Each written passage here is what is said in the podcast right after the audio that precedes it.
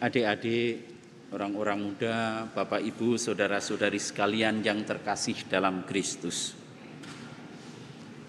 Apakah Bapak Ibu, saudara-saudari pernah mengajak salaman pada orang lain, tetapi orang tersebut menolak, tidak mau diajak salaman? Ada yang pernah ya? Rasanya gimana? ya, aku ditolak ya. Atau menjadi sangat sedih gitu ya. Bapak Ibu, saudara-saudari sekalian, orang-orang muda. Pengalaman seperti itu terjadi pada Allah. Ketika mengajak tanda kutip salaman dengan kita manusia. Ada yang pura-pura tidak tahu, gitu, melengos. Ada yang sengaja tidak memperhatikan. Ada yang sengaja tidak merespons. Ada yang menyambut dengan gembira. Bahkan tidak hanya sekedar salaman Gusti Allah ditubruk gitu saja ya. Nah itu pengalaman-pengalaman yang berbeda. Dan Allah pun mempunyai tanggapan yang berbeda. Dan bumi pun semesta juga mempunyai tanggapan yang berbeda-beda. Dan di sinilah tangkapan-tangkapan dan tanggapan-tanggapan kita pada kasih karunia Allah ini akan membentuk sejarah perjalanan jiwa kita masing-masing. Tetapi perjalanan itu bukan sebuah perjalanan seorang diri, tetapi adalah perjalanan kita bersama-sama sebagai umat manusia. Kitab Yesaya menampilkan pengalaman yang sangat indah dan inilah warta gembira yang sudah dibaca oleh Nabi Yesaya. Dan nanti kita tanggapi. Di sana kita melihat bagaimana Yesaya mewartakan apa yang telah disampaikan Allah seperti tangan yang diulurkan untuk salaman. Saya baca. Bangsa yang berjalan di dalam kegelapan telah melihat terang yang besar, terang yang bersinar atas mereka yang diam di negeri kekelaman. Engkau ya Tuhan telah banyak menimbulkan sorak-sorai dan sukacita yang besar.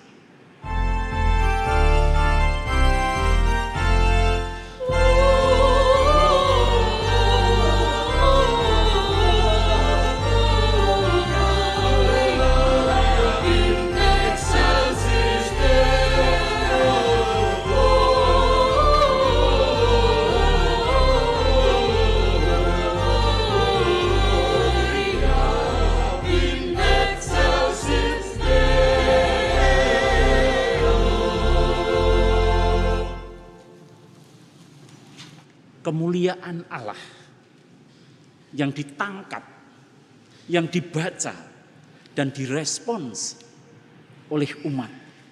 Inilah yang juga dinyatakan lagi dalam pengalaman-pengalaman orang-orang di sekitar Yesus. Secara khusus pada peristiwa kelahiran Yesus atau Natal. Yang lebih hebat lagi, tetapi juga perlu mendapat perhatian secara khusus. Dan mari kita renungkan, kita kontemplasikan. Allah yang menjadi manusia itu sebagai uluran tangan kasihnya itu, Wuh, kok ternyata hadirnya dalam orang biasa.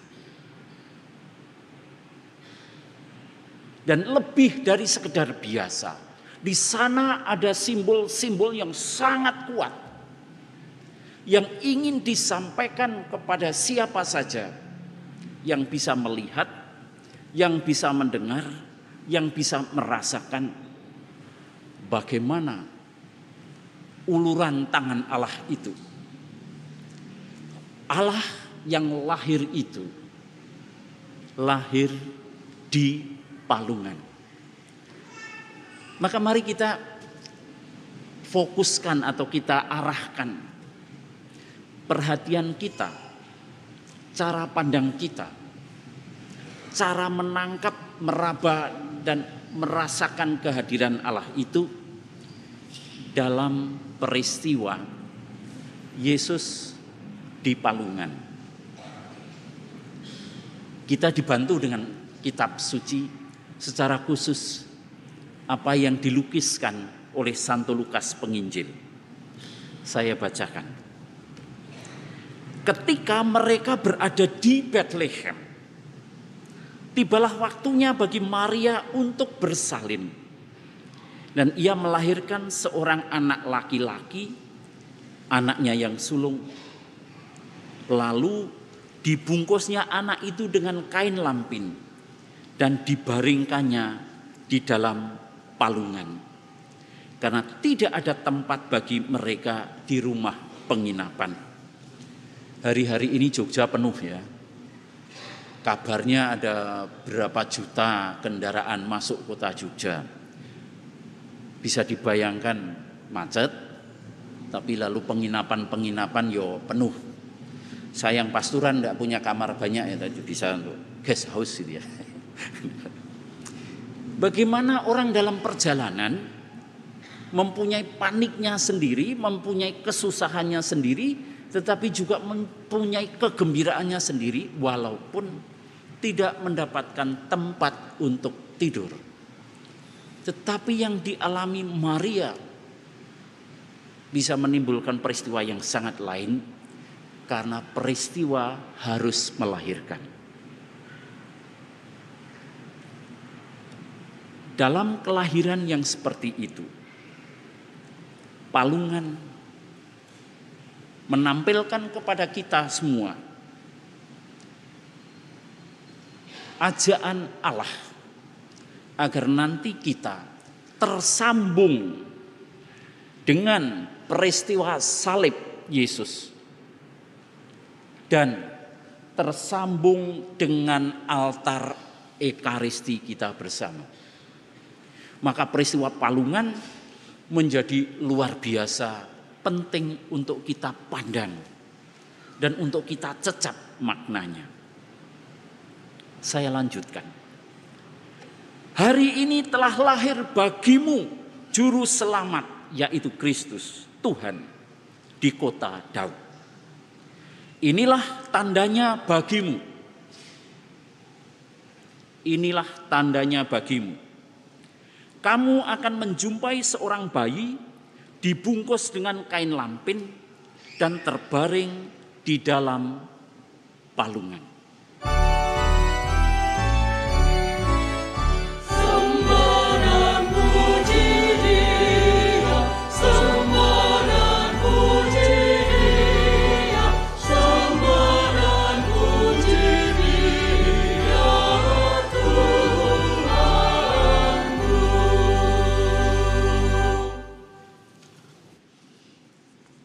Bapak, Ibu, Saudara-saudari sekalian, adik-adik, orang-orang muda yang terkasih dalam Kristus. Di hadapan palungan ini, marilah kita arahkan perhatian kita. Santo Lukas menyebutnya dua kali. Palungan dan bayi yang dibungkus dengan lampin. Mengapa palungan menjadi penting? Mengapa palungan sambung dengan salib? Mengapa palungan sambung dengan ekaristi yang kita rayakan? Palungan adalah tempat entah dibuat dari batu, entah dibuat dari kayu sebagai tempat untuk meletakkan rumput, jerami, atau apa yang daun-daun yang lain yang disediakan oleh gembala atau peternak bagi kawanan ternaknya. Simbol ini memang simbol peternak dan petani. Mungkin untuk adik-adik dalam zaman yang sekarang agak kesulitan menemukan simbol-simbol ini, tetapi tidak apa-apa. Mengapa Allah memakai tangan Maria dan Yusuf menempatkan bayi yang baru lahir dan lemah ini di palungan? Persis di sini kita temukan palungan sebagai tempat makanan bagi ternak.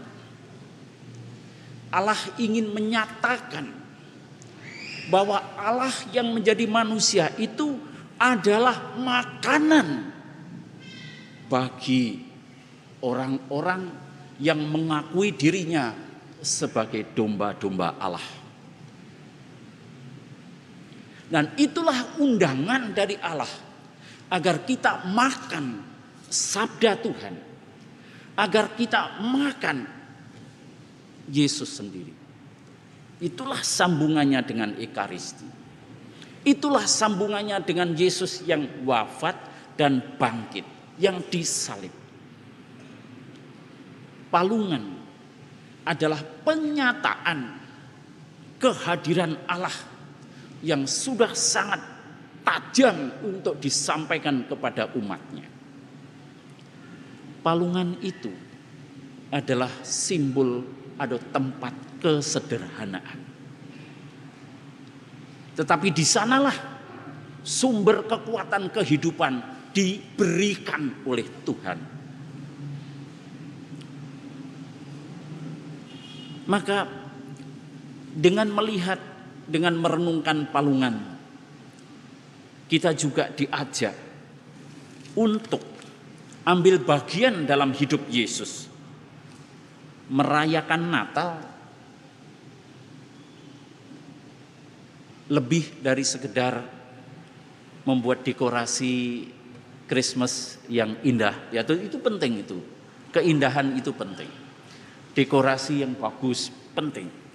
Tetapi yang akan dilalui melampaui hiasan-hiasan itu adalah ajaan agar kita menemukan tawaran yang diberikan Allah dalam Tuhan Yesus ialah dirinya sendiri. Dan itulah Yesus yang disalib, Yesus yang mati, Yesus yang bangkit, dan Yesus yang kita makan dalam Ekaristi. Maka memandang palungan dalam Ekaristi adalah peristiwa yang luar biasa penting untuk kita. Kita syukuri itu. Keselamatan yang datang dari Allah adalah hidup Yesus yang diberikan kepada semua yang mau makan semua yang mau selamat, semua yang mau hidup, datang makanlah Yesus.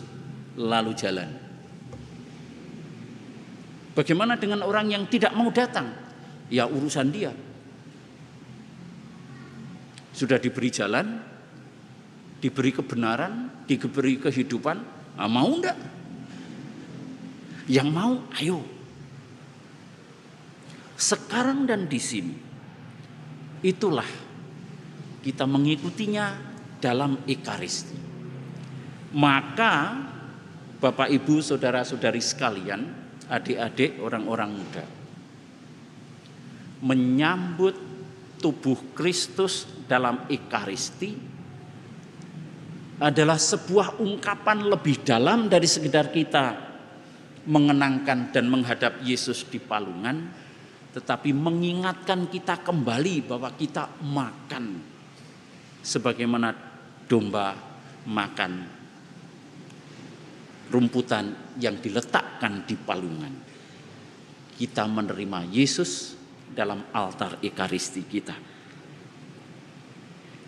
Tetapi panggilan itu tidak berhenti, melainkan panggilan ini menjadi nyata, menantang, menuntut kita semua untuk melakukan seperti yang dibuat oleh Yesus, yaitu keberanian, kesiapan, sedia untuk menjadi tanda kutip makanan bagi orang-orang di sekitar kita. Menjadi sumber kekuatan, menjadi energi yang menghidupkan. Dan itulah panggilan kita semua. Suami memberikan hidupnya pada istri dan anak-anak. Istri memberikan hidupnya pada suami dan anak-anak. Dalam kesetiaan inilah palungan menjadi sumber kekuatan Bapak Ibu saudara-saudari sekalian. Bagi keluarga-keluarga atau relasi-relasi yang sedang dalam goncang atau krisis, jangan lupa datanglah ke palungan. Itulah hidup. Itulah sumber kekuatan. Dan itulah sambung dengan ekaristi kita. Ketika kita memberikan hidup kita kepada orang-orang di sekitar kita, kita ambil bagian dari altar ekaristi ini menjadi kekuatan hidup orang-orang yang menerima cinta kita. Terpujilah Allah kini dan selama-lamanya.